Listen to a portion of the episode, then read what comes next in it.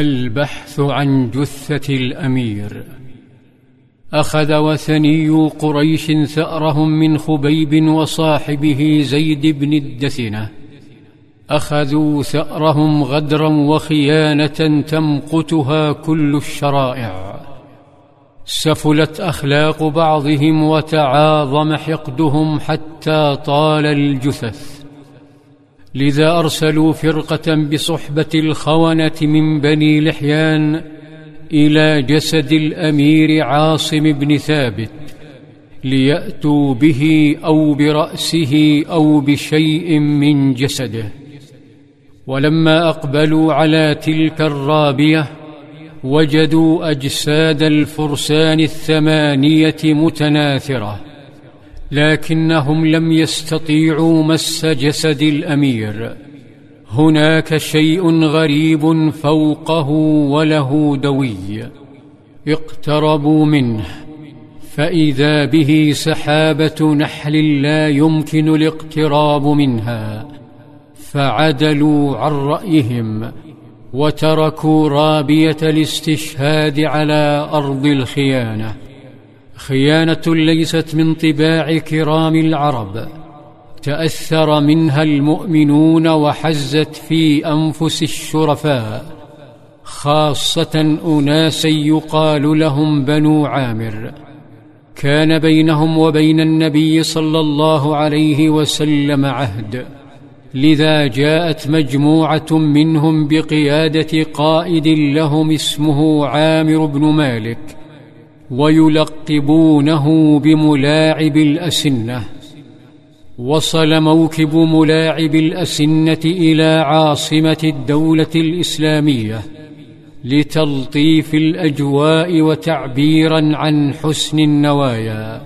وقد حمل هدية لقائد الدولة صلى الله عليه وسلم.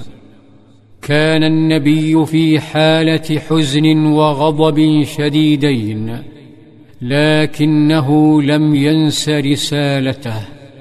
التوحيد.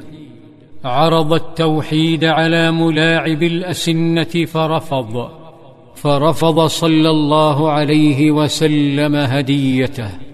فحاول ملاعب الأسنة أن يخفف عن النبي بعض ما في صدره من حزن على أصحابه فاقترح أن يرسل النبي صلى الله عليه وسلم بعض أفراد الدولة لينشروا الإسلام بين المدينة ونجد وتعهد بحمايتهم حتى يطمئن صلى الله عليه وسلم أنه لن يصيبهم ما أصاب عاصما وخبيبا وأصحابهما وكان مما منح النبي صلى الله عليه وسلم ارتياحا هو أن رجالا من أحياء رعل وذكوان وعصية قدموا ضمن موكب ملاعب الأسنة وأعلنوا إسلامهم.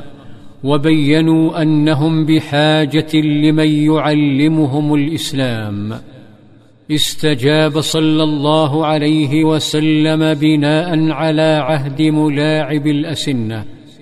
فانتقى سبعين شابا من تلاميذه من حفظة القرآن.